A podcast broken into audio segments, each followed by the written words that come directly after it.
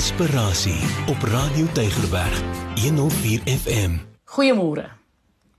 In die fabels van Aesopus is daar 'n verhaal wat vertel hoe pestilensie 'n karavaan op pad na Bagdad raakloop. Waarheen is jy so hastig op pad? wil die leier van die karavaan weet. Ek is op pad na Bagdad toe om 5000 lewens te neem, antwoord pestilensie beslis. 'n Paar dae gaan verby en pestilensie en die karavaan loop mekaar weer raak. Jy het gelieg. Jy het gelieg, skreeu die leier van die karavaan. Jy het nie 5000 lewens geneem nie, maar 50000. Nee, hou pestilensie vol. Ek het 5000 geneem en nie 'n siel meer nie. Dit was vrees wat al die ander doodgemaak het. Jy sien bekommernis is 'n destruktiewe gewoonte wat ons van ons gemoedsrus beroof. Vrees loop egter baie dieper as bekommernis. Dit is potensieel een van die gevaarlikste emosies.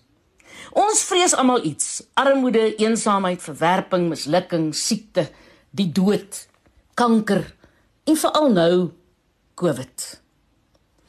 Nou kyk om te erken dat vrees teenwoordig is, is nie 'n swakheid. Net 'n dwaas sal voorgee dat hy nooit bang is nie. Die kuns. Ja, die kuns is egter om jouself te dwing om blymoedig voort te gaan ten spyte van vrees.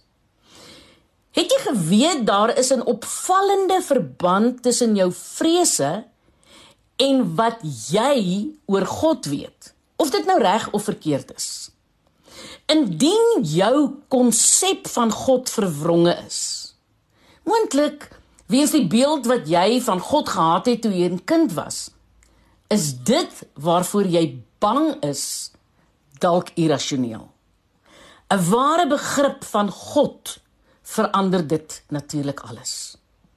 En moontlik het dit tyd geword dat jy meer moeite sal doen om God waaragtig te leer ken. Om sy ware karakter te ontdek sodat jou vrese plek kan maak vir sy liefde, vir sy hoop en vir geloof.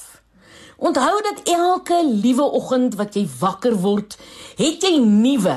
Ja, jy het vars baba breinselle wat in jou brein gebore is. Gebruik dit wys deur jou vrese doelbewus te vervang met God se beloftes van hoop.